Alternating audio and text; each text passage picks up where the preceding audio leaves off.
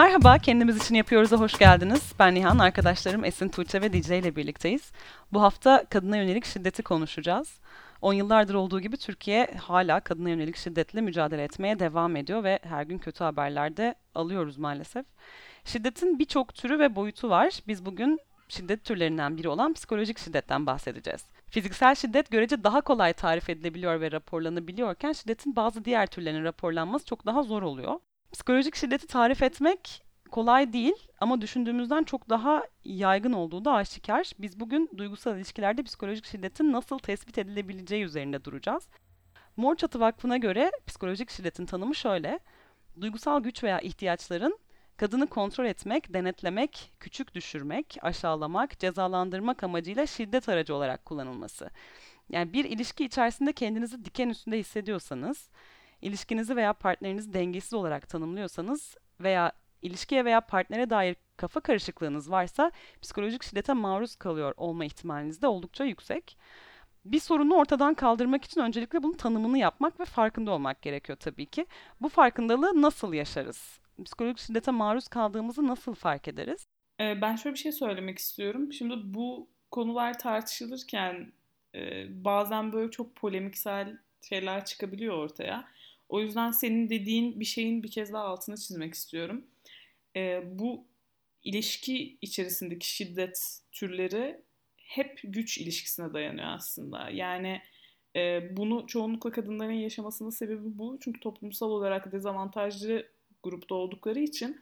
Ama işte e, gay ilişkilerde ya da işte LGBTİ ilişkilerde yine hani dezavantajlı durumda olan şiddete maruz kalıyor. Güçlü durumda olan da şiddetin uygulayıcısı oluyor. Açılışımıza bunu da eklemek isterim. Örnekler verelim. Ben araştırdığımda şu tarz davranışlarla karşı karşıya geldim. İnternette yazan davranışlardan bahsediyorum. Ee, mesela aşırı kıskançlık yokken ortaya çıkan kıskançlık. Ee, partnerle dalga geçme var. Sürekli dış görünüşüne veya işte yaptıklarıyla, hobileriyle, hobilerini aşağılanıyor olabilir veya işi aşağılanıyor olabilir veya işte konuştukları, söylediği kelimeler, kurduğu cümlelerle alay etme olabilir. Ee, arkadaş ve aileden yani çevresinden uzaklaştırmaya çalışma olabilir. Ayrılırsan intihar ederim. Ayrılırsam ben biterim, ben yaşayamam, sorumlu sen olursun diye bir tehdit e, olabilir karşındaki sürekli suçlu hissettirmeye çalışma. Yani kendi dengesizliklerini ve kendi ruh hali değişikliklerini karşı tarafa e, yükleyip işte senin yüzünden böyle oldu, senin yüzünden ben böyle oluyorum veya senin yüzünden böyle kavga ediyoruz gibi e, ifadeler kullanmak. İletişim kurmayı reddetme var. Sürekli eleştirme var veya karşıt fikirde olunmasına dayanamama ve bu durumla karşı karşıya geldiğinde çok sinirlenme ve hani mutlaka bunun bir şekilde intikamını almaya çalışma. E, hakaret etme var ve hani Dice'nin de bahsettiği yani güç ilişkisinde diyelim ki biriyle birliktesin. Onu bazı davranış kalıplarına veya bir şeyler yapmaya zorlamayı kendinde hak görme var. Yani madem ki birlikteyiz o zaman işte bunu yapmak zorundasın. Bu şekilde evet. davranmak zorundasın gibi. İşte bunlar hep gerçekten karşısındaki insanı kontrol altına alma stratejisi olarak benimseniyor çoğunlukla zaten e, güç uygulayan taraf, şiddet uygulayan tarafça. Mesela geçen Twitter'da çok ilginç bir şey okumuştum. Bir e, şiddete maruz bırakılan bir kadın anlatıyor. Hani ben e, işte iki senelik ilişkimde sürekli partnerim bana çok kötü kokuyorsun, çok kötü kokuyorsun, of iğrenç kokuyorsun, kalk yanımdan falan dedi diye anlatıyor. Ve bu insan artık böyle günde 2-3 kere duş alır hale gelip artık bu kimyasallar, alüminyumlar içeren deodorantlar falan kullanmasına rağmen karşısındaki partnerinden hala bunları duymaya devam etmiş ve başka insanlara sorduğu zaman yok hiç öyle bir şey yok hani normal kokuyorsun. Hayatımda tanıdığım en iyi kokan insansın gibi tepkiler almasına rağmen hani partnerinin o manipülasyonunu o kendisi üzerinde uyguladığı o psikolojik şiddete yenik düşmüş. E, çünkü hani ilişkideki güç dengesizliği onu buna maruz bırakıyor. E, sonra bu konuyu açtığında artık gücünü toplayıp partnerini bu konuyu açtığında da şöyle bir şey duymuş. Yani bunu bana babam öğretti demiş partneri. Eğer sen işte sevgilini ezersen, sevgilini küçük düşürürsen o sana daha çok bağlanır ve seni terk etmez. Of çok of, kötü. Çok çok, çok üzücü kötü. ya. Çok üzücü ve Yani yüreğim dağlandı şu an. Evet. Çok fazla manipülatif davranışın temelinde bu tarz e, ebeveynlik hatalarının yattığının göstergesi oldu. Psikolojik şiddetin tanımlanmasının zor olmasının sebeplerinden biri bence şu. Bu bahsettiğimiz davranış kalıplarıyla ilgili hepimizin böyle çok içselleştirdiği bir takım doğru bilinen yanlışlar var. İşte mesela kıskançlık seven insan kıskanır. Böyle bir şey yok aslında. Yani hani kıskançlığın dozajı, tonu, yansıtılış biçimi çok önemli. Ama hani ee, nasıl söyle yani çok yoğun bir kıskançlığa maruz kaldığın zaman bunu hep bir iyiye yorma haline gidiyorsun. Çünkü seven insan kıskanır diye bir kalıp var kafanda. Ya da senin hayatına giydiklerine, içtiğine, yediğine, bir yerde oturup kalkışına karışıyor, manipüle ediyor seni bu anlamda ama sen bunu işte sahiplenme, koruyuculuk, işte seven insan sahiplenir, beni düşündüğü için yapıyor, beni sahiplendiği için, beni koruduğu için yapıyor gibi hep başka mekanizmalar çalışıyor. Çünkü karşında yani bunun e, ya duygusal ilişkilerde özellikle bunu fark etmek ayrıca zor çünkü karşındakine hep bir böyle bir sevgi filtresiyle ve ona hani e, yaptığı şeylerin arkasında kötüden ziyade iyi niyet arayarak bir açıklama getirmeye çalışıyorsun. Orada o yüzden bir sınırı çizmek gerçekten çok zor oluyor. Günün sonunda bence sorulacak soru yani dizinin dediğinden yola çıkarak şeyi düşündüm ben. Ee, bir de çok kırılgan bir tarafı var ya mesela Dicle'nin anlattığı örnekte koku. Yani bu o kadar hassas bir, bir nokta ki biri için yani birine kötü kokuyorsun kötü kokuyorsun dediği zaman bu kolaylıkla insanın bir başkasına ya ben kötü mü kokuyorum diye sorabileceği bir şey bile değil. Yani orada tek bir kişinin görüşüne çok bağlı kalmak zorunda kalıyorsun. Ama işte bence o duygusal şiddeti ayırt etmek konusunda hani bir, bir soru var herhalde. Yani hani bu bana ne kadar zarar veriyor, ne kadar ilişkiye hizmet eden, benim iyiliğime hizmet eden bir şey diye sorduğum zaman ve bunun cevabı hayırsa yani etmiyor, bana iyi gelmiyor aslında sa sanırım orada duygusal şiddetin tanımını yapmak daha kolaylaşır gibi geliyor bana. E, zaten manipülatif insanlar, başkaları üzerinde tahakküm kurmak isteyen insanlar sürekli olarak manipülasyonu nereden çekebileceğinin sorgulaması içerisinde olan insanlar. Manipülatif biri, e, manipülatif bir erkek sürekli karşı taraftan neye tutunacağını, neyi e, çekeceğini ve neyin üzerine gideceğini sinsice e, bulmaya çalışıyor bilinçaltında.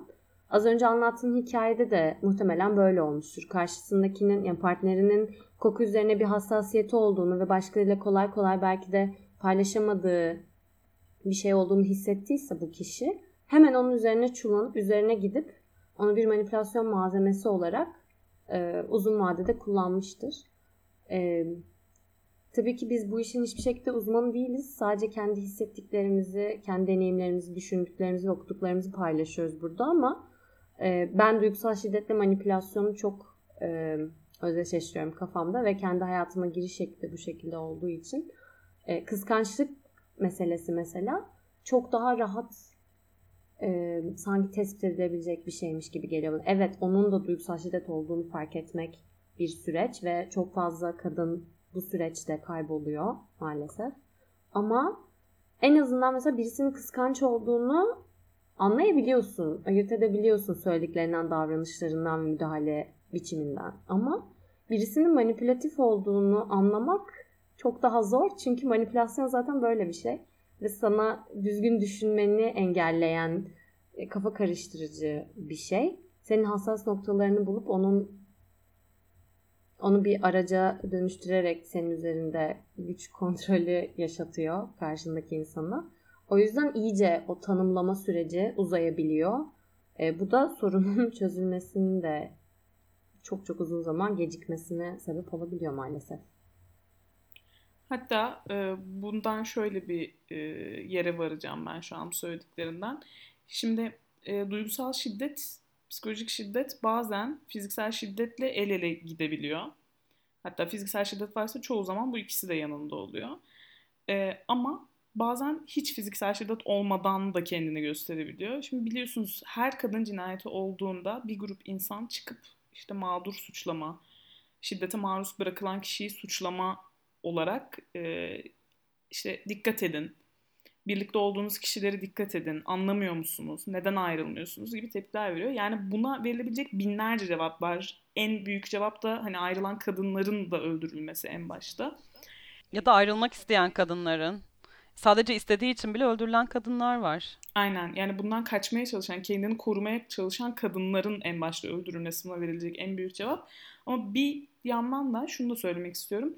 Ee, şimdi bir TED konuşmasından bahsedeceğim. Çok fazla kişi izlemiş olabilir ünlü bir konuşma. Leslie Morgan e, Steiner adlı ev içi şiddet savunucusu bir kadının TED konuşması. Kendi maruz bırakıldığı e, ev içi şiddetten bahsediyor.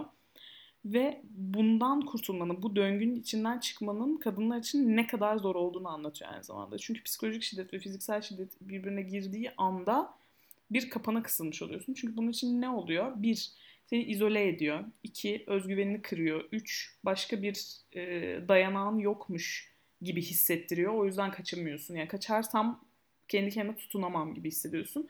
Dört, e, şiddetin öyle evreleri var ki, yani özellikle fiziksel şiddette bu çok daha belirgin fark ediliyor. Bir, işte o şey, yani şiddetin yaşandığı an, diyorum bir tokat. Yani o mesela ilk tokat bir şok yaratıyor kadında. Bu bir şok yaratıyor ve bu nasıl olur diye önce kabullenemiyor. Sonra bir balayı evresi geliyor. Yani her türlü şiddet döngüsünde bu balayı evresi var. Ve bu balayı evresinde e, adam hiç olmadığı kadar iyi, hiç olmadığı kadar anlayışlı ve iyi bir partner oluyor. Ve bu unutturuyor kadına yaşadığı şiddeti. Sonra ikinci şiddet anı geldiği anda daha da büyüyor bu sefer şiddet tipi. Şimdi bunu örneği verdim çünkü fiziksel şiddette bile bu döngüden çıkmak çok zor. Biz sizinle 15 dakikadır psikolojik şiddet, duygusal şiddet üzerine konuşuyoruz. Bunun tanımlamasını kendi aramızda da yapamadık. Çünkü çok zor. Bunu yaşayan kadınların fark etmesi de inanılmaz zor oluyor. Kesinlikle katılıyorum. Bir de dışarıdan mesela bu şiddet uygulayan insanlar dışarıdan herkese çok çekici görünüyor olabilir. Herkesin çok sevdiği birisi olabilir. Sevdiği, saygı duyduğu biri olabilir. Yani biriyle bunu paylaşmaya e, paylaşmayı düşündüğünüz zaman aa o çok iyidir ya yapmaz öyle şeyle karşılaşıyor olabilirsiniz. Çünkü hani bu psikolojik şiddet uygulayan kişi zaten hani sinsice manipülatif olduğu için dışarı bunu kesinlikle göstermeyecek bir şekilde davranıyor olabilir. Böyle bir durumda da hani insanları ikna etmek, yardım beklemek, kendi özgüvenini yeniden toparlamak çok zor olabiliyor. Bir de sevgi kisvesi altında yapılan davranışlar var Tuğçe'nin bahsettiği gibi. Yani e, çok sevdiğim için işte yapıyorum. Çok sevdiğim için kıskanıyorum. Çok sevdiğim için e, aslında ben seni seviyorum. Ama şunu yaparsan daha çok seveceğim evet, gibi. Sürekli yetersiz bulma ve sonsuz bir eleştiri döngüsü. Ya da koşula bağlama mesela sevgiyi de. Ben seni çok seviyorum ama sen işte çok kötü kokuyorsun mesela. Hani kokmasan daha çok seveceğim. Veya sen işte ben seni çok seviyorum ama sen işte Instagram hesabını açık tutuyorsun gibi mesela. Sanki hani koşula bağlıyor. Her an bu sevgi o kişinin elinden alınabilirmiş gibi. Ama aslında normalde sevgi böyle bir şey değil. Herhangi bir koşula bağlı olması sağlıklı bir durum olduğuna işaret etmiyor. Üstelik bir de manipülatif insanlar özellikle yaptıkları hareketlerin başkasının suçu olduğunu karşı tarafı ikna etmekte çok başarılı oldukları için e, kadınlar kendilerini sıklıkla e, şu şunu düşünürken de buluyor olabilirler. Ne oluyorsa olsun yani başıma kötü bir şey geliyor şu anda belki. Şu anda içinde bulunduğum durumdan hoşnut değilim. Maruz kalmaktan hoşnut olmadığım şeyler yaşıyorum. Ama bu benim hatam.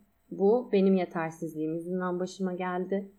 İşte işte bak ben şöyle şöyleyim o yüzden benimle sürekli dalga geçiyor. Ya da aa evet benim böyle böyle özelliklerim var. O yüzden başkalarının yanında partnerimin beni rencide etmesini hak ediyorum gibi. Hiç aklınıza gelmeyecek şekilde özgüveni yüksek olan insanlar bile bu döngünün içine bir kere düştüler mi buradan kendilerini çıkarmaları çok zor olabiliyor. Hiçbir kadın burada buna yenik düştüğü için suçlu değil ya da diğerlerine göre daha güçsüz değil ya da tırnak içinde sorumlu değil. E, bu gerçekten herkesin başına gelebilir. Karşımıza çıkan insanların manipülasyon kabiliyetiyle alakalı bence bu. Önemli olan bunun içinden kendini kurtarabilmek.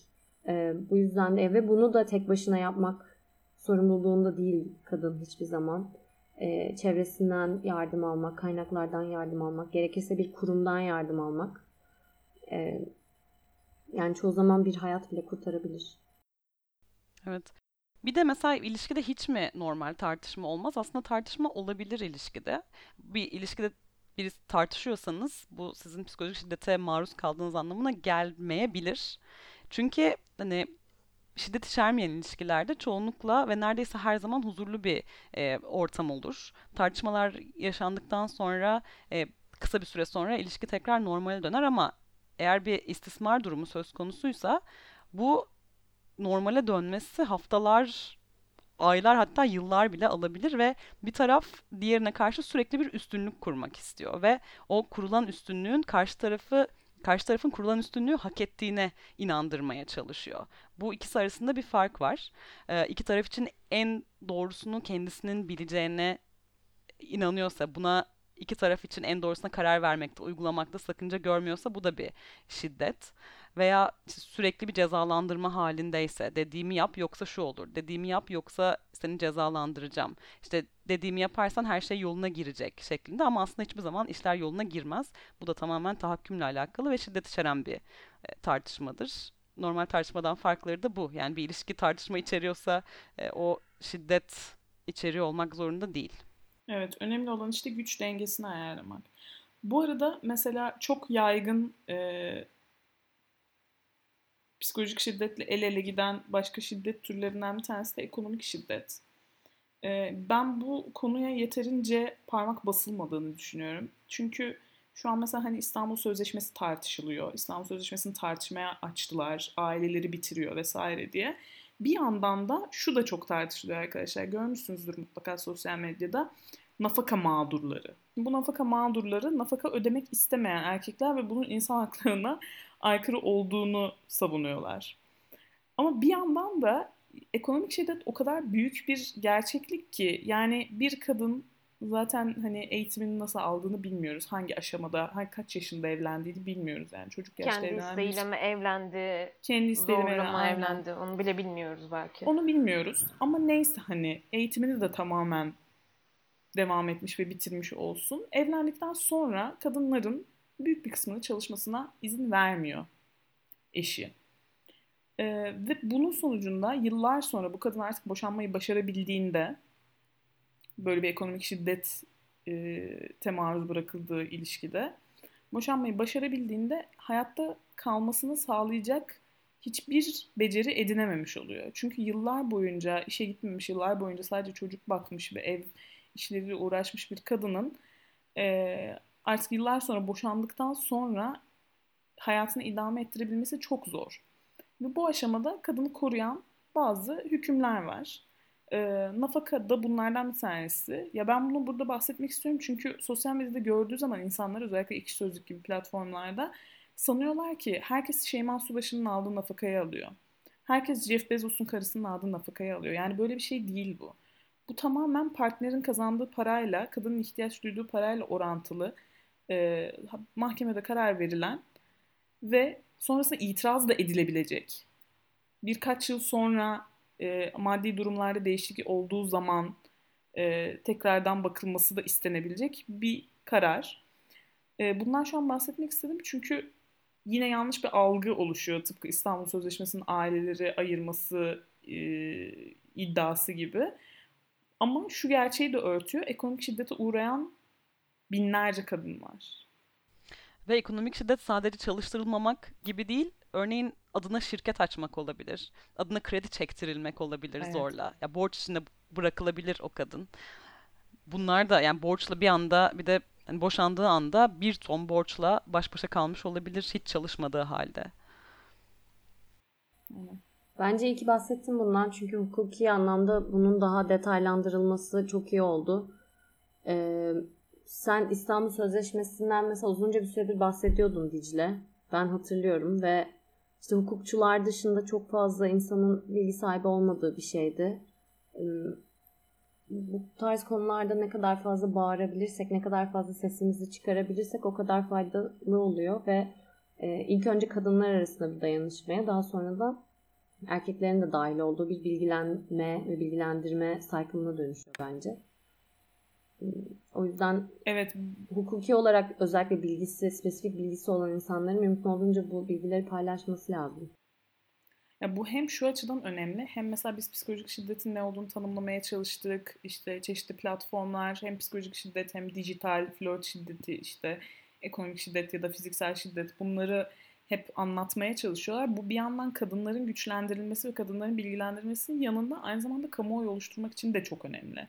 Çünkü gerçekten o kadar küçümseniyor ki bu konular. Hani hiçbir şey değilmiş falan gibi. Hani böyle yine çıkmış işte e, Y jenerasyonu, Z jenerasyonu abuk sabuk şeylerden nem kapıyorlar falan gibi algılanıyor kamuoyunda. Halbuki bunların ciddi şeyler olduğunu biz yeterince gösterebilirsek en azından erkekleri de ya da şu an bir takım ayrıcalıklı olan insanları da, güç sahibi olan insanları da bunu farkına vardırabilirsek hani değişim orada başlar. Kesinlikle. Bir de benim başka bir yorumum daha var.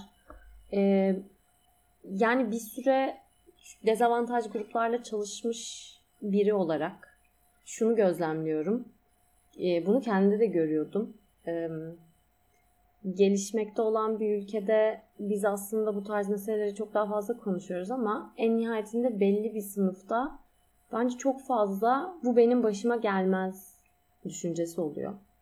Ee, bu bana ait bir mesele değil, bu bana ait bir konu değil gibi geliyor. Ee, fiziksel şiddet, psikolojik şiddet her an herkesin başına gelebilir.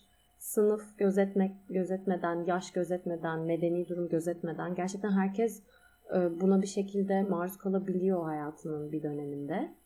E, ben de başıma geleceğini düşünmezdim. Hatta ulan acaba oldu mu falan diye düşünürken kendi kendime bununla ilgili okurken araştırırken bile e, koyamadığım bir tanı en sonunda bir uzman tarafından konulunca dedim ki aa evet evet benim de başıma gelmiş ve psikolojik şiddete uğramışım. Türkçe'de daha çok mağdur kelimesini kullanıyoruz bu meseleleri Maruz konuş- bırakılan diyebiliriz onu. Evet yani. maruz bırakılan diyebiliriz. İngilizce'de survivor kelimesinin kullanılması çok daha hoşuma gidiyor. Çok daha içime siniyor. Ee, çünkü bu aslında atlatılan ve e, sonrasında ayakta kalınan bir mesele. Ve de mücadele ee, edilen bir mesele. Mücadele edilen bir mesele. Atlatılması uzun yıllar alabilir. Ee, bilmiyorum galiba bu podcast'e benim vermek istediğim mesaj bunun herkesin başına gelebileceği ve ne kadar bunu bunun hakkında iletişim kurabilirsek ve başkalarıyla konuşula, konuşulabilen bir mesele haline getirebilirsek başka kadınların da bunu tanımlayabilmesi ve bununla mücadele etmesi belki giderek daha da kolaylaşır. Yani içindeyken bunu fark etmek biraz daha zor oluyor ama senin de söylediğin gibi sonradan bakınca da bazen anlaşılabiliyor. Ben de benzer şeyler yaşadım. Yani çok çok basit şeylerin daha sonradan yani yıllar önce mesela lisedeki olan bir ilişkimden bile hatırlıyorum bazen. Aa bu da psikolojik şiddetmiş diye şu an okudukça ve bunun üzerine araştırdıkça düşünüyorum mesela. Çok basit şeyler var. Örneğin arkadaşlarım beni bir yere çağırdı. Ben de diyorum ki işte arkadaşlarım beni oraya çağırdı. Oraya e, gideyim. Ha tamam gidelim beraber diyor mesela. Ha tamam gideriz diyor mesela. Hmm, ben o sırada şunu düşünüyorum. Ben onu acaba çağırdım mı? Arkadaşlarım onu çağırdı mı? Ben beraber gidelim mi dedim.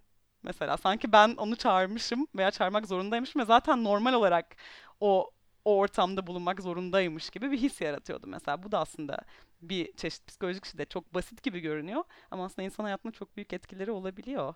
Yani bu utanılacak bir şey değil. Bu herkesin başına gelmiş olabilir, geliyor olabilir. İnsanlar bununla mücadele ediyor olabilir. Yıllarca bununla mücadele edip yenememiş olabilir. Bunların hiçbirinde utanılacak bir şey yok. Kesinlikle bunun üzerine konuşup, düşünüp yardım almak çok önemli. Evet bir de şiddetin seviyeleri var. Herkesin hayatında maruz kaldığı e, durumların bir seviyesi var.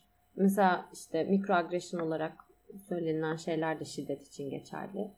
E, böyle minik minik şiddet e, anları birleşip çok daha büyük sistematik bir e, mağduriyete sebep oluyor olabilir. Falan yani örnekler çeşitlendirilebilir.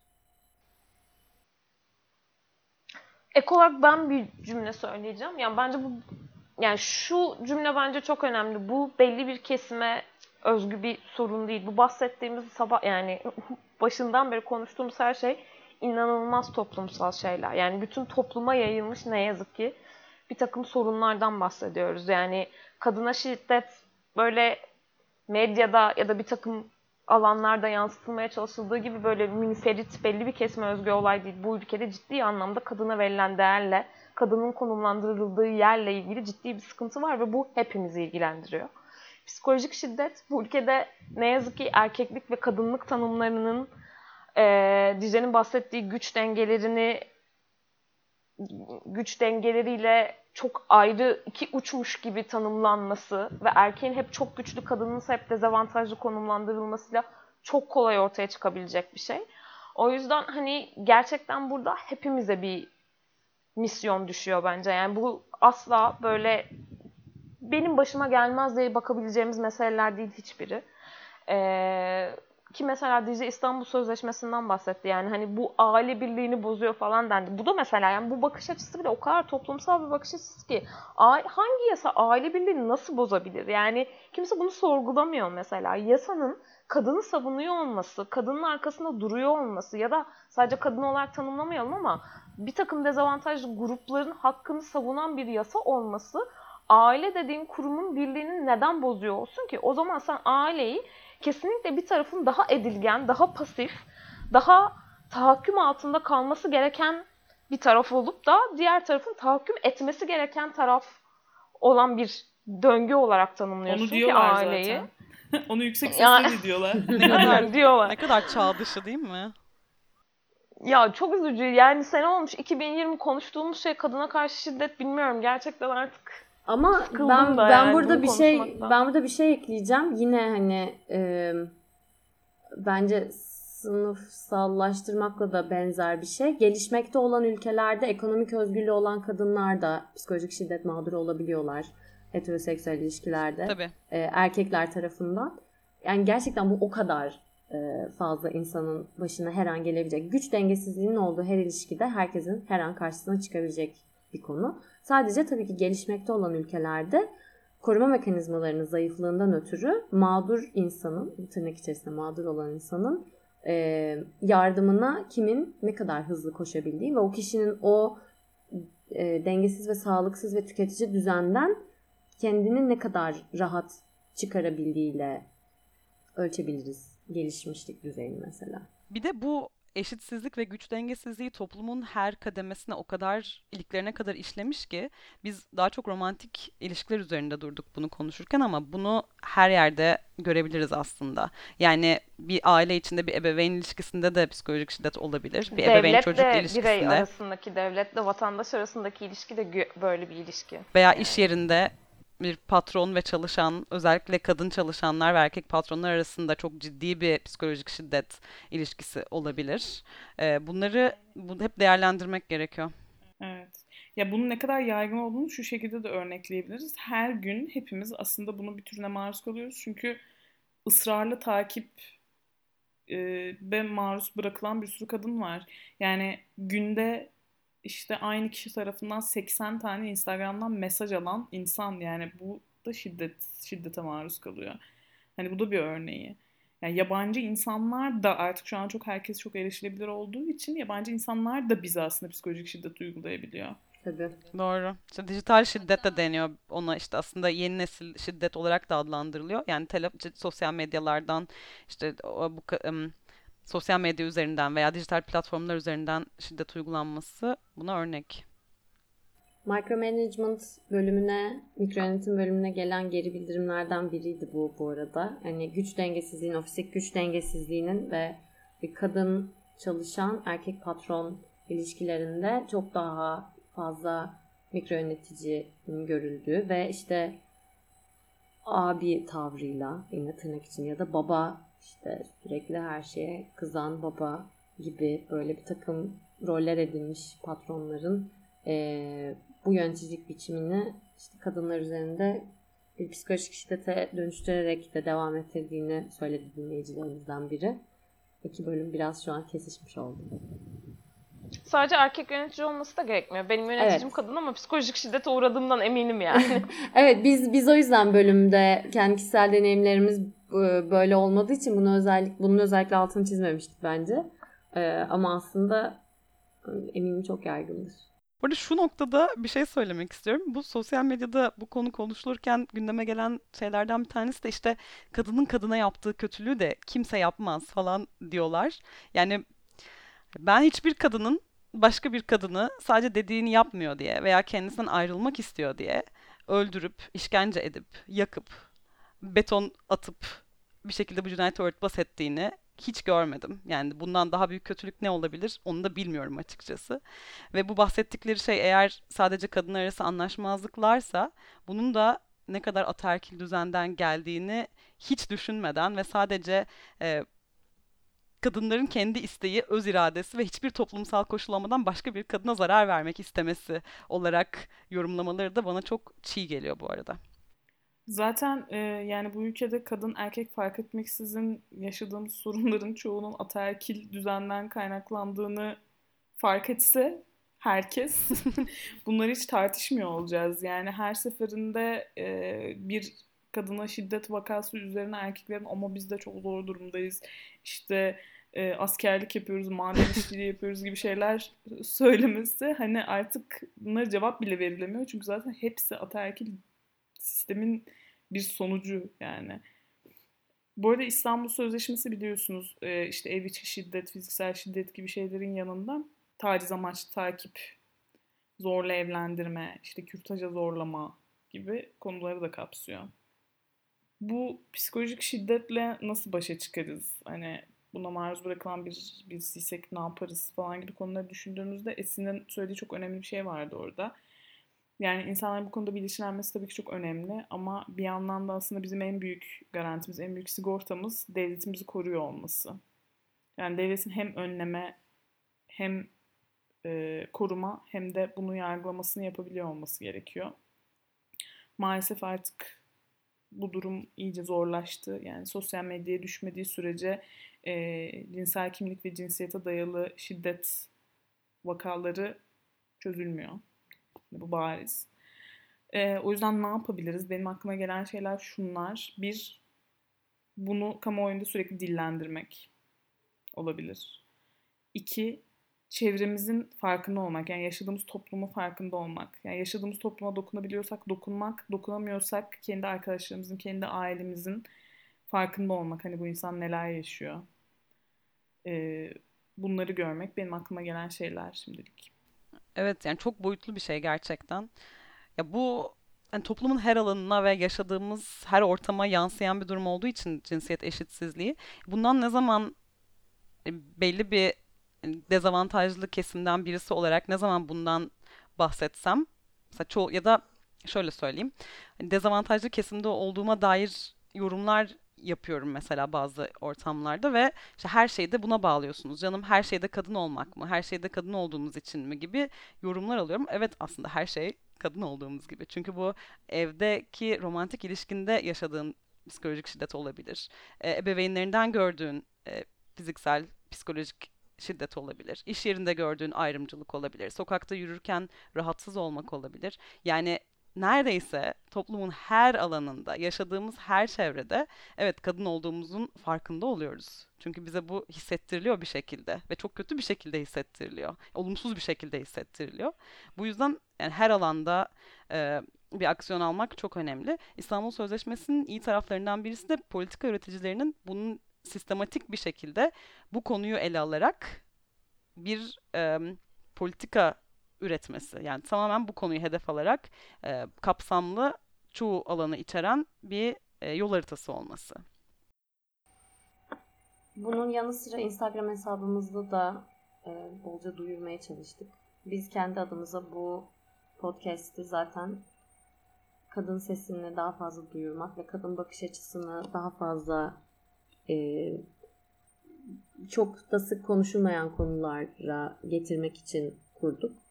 Ee, ve bunun sorumluluğunu her gün üzerimize taşıyoruz. Bunun için üzerimize düşenleri yapmaya hazırız. Ee, bu yüzden e, cinsiyet, toplumsal cinsiyet eşitliği için e, gerekli olan her şeyi bireysel olarak e, yapmak için kendi kendimize bir söz veriyoruz. E, yani tabii ki bu uzun bir yolculuk ve bunun içine çok fazla sorumluluk giriyor ama e, en azından bu şu anki momentumu devam ettirmek adına hazır herkes bu meseleyi konuşuyorken gerçekten yıllardır bunun için uğraşan canla başla didinen bir takım sivil toplum örgütleri, kadın sığınma evleri, dernekler ve vakıflar hepimizin desteğini bekliyor. O yüzden onlara elimizden geldiğince maddi manevi hukuki her türlü desteği e, göstermemiz lazım. Bu yüzden de podcast'i dinleyen, bizi takip eden herkesi e, biraz daha fazla destek göstermeye ve dayanışmaya katkıda bulunmaya davet etmek istiyorum ben. Çünkü kadın sığınma, kadın sığınma evlerinin hazır psikolojik şiddetten bahsederken gerçekten ihtiyaçları bitmiyor ve bu ihtiyaçlar son derece karşılanabilir ihtiyaçlar ama yetmiyor hiçbirinin gücü. Maddi destek dediğim gibi hani bu sürecin sadece minik bir parçası ama en azından bununla başlamak ve e, gerçekten çok acil korunma ihtiyaçlarına e, bu şekilde katkıda bulunmak çok büyük bir adım olabilir e, bir başkası için şu anda. Aynı zamanda kadın mücadelesi gerçekten Türkiye'deki en e, böyle imrenilisi mücadelelerden bir tanesi. E, çok büyük çeşitlilik barındırıyor. Gerçekten çok büyük azim içeriyor. O yüzden hepimiz kendi iş yerlerimizde, kendi mesleğimizi kullanışlı hale getirerek bunun bir parçası da olabiliriz. Ee, günlük hayatımızda bunun savunuculuğunu yapmak yani gerçekten tahmin edemeyeceğimizden çok işe yarıyor. Yani hareketin bir parçası olmak sadece yani sokağa çıkıp bağırmak veya işte maddi destek vermek de olmayabilir. Yani bahsettiğiniz gibi insanlarla konuşmak, bu konuda farkındalık sahibi olmak, insanları farkındalık sahibi olmaya teşvik etmek gibi şeyler çok önemli. Dayanışma çok önemli. İşte kız kardeşlikten bahsediyoruz. Gerçekten eğer çevrenizde birinin psikolojik şiddete veya işte herhangi bir türlüsüne maruz kaldığını düşünüyorsanız onun yanında olduğunuzu göstermek, e, yalnız olmadığını göstermek bunlar bile insanların hayatlarında çok çok büyük etki sahibi olabiliyorlar. Buradan tekrar o zaman psikolojik şiddete dönelim. Buna maruz kaldığınızı düşünüyor olabilirsiniz. Bunda hiç utanılacak, çekinilecek hiçbir taraf yok. Ne kadar zor gözükse de e, bu teşhisi, bu farkındalığı yaşamak çok çok önemli. E, çevrenizdekiler de bunu görüyorsanız yine bunu e, fark etmek çok önemli. Bu konuda hani en basitinden okuma yapabilirsiniz. E, arkadaşlarınızla konuşabilirsiniz. Bunu ne kadar konuşulabilir olursa o kadar önlenebilir bir sorun haline geliyor. Ee, bizle iletişime geçebilirsiniz. Kendimiz için yapıyoruz Instagram hesabından bize yazabilirsiniz veya kişisel olarak bizi tanıyorsanız da yine bize ulaşabilirsiniz. Mücadeleye her zaman devam edeceğiz. Yeniden görüşmek üzere. Hoşçakalın. Hoşçakalın. Hoşçakalın. Hoşçakalın.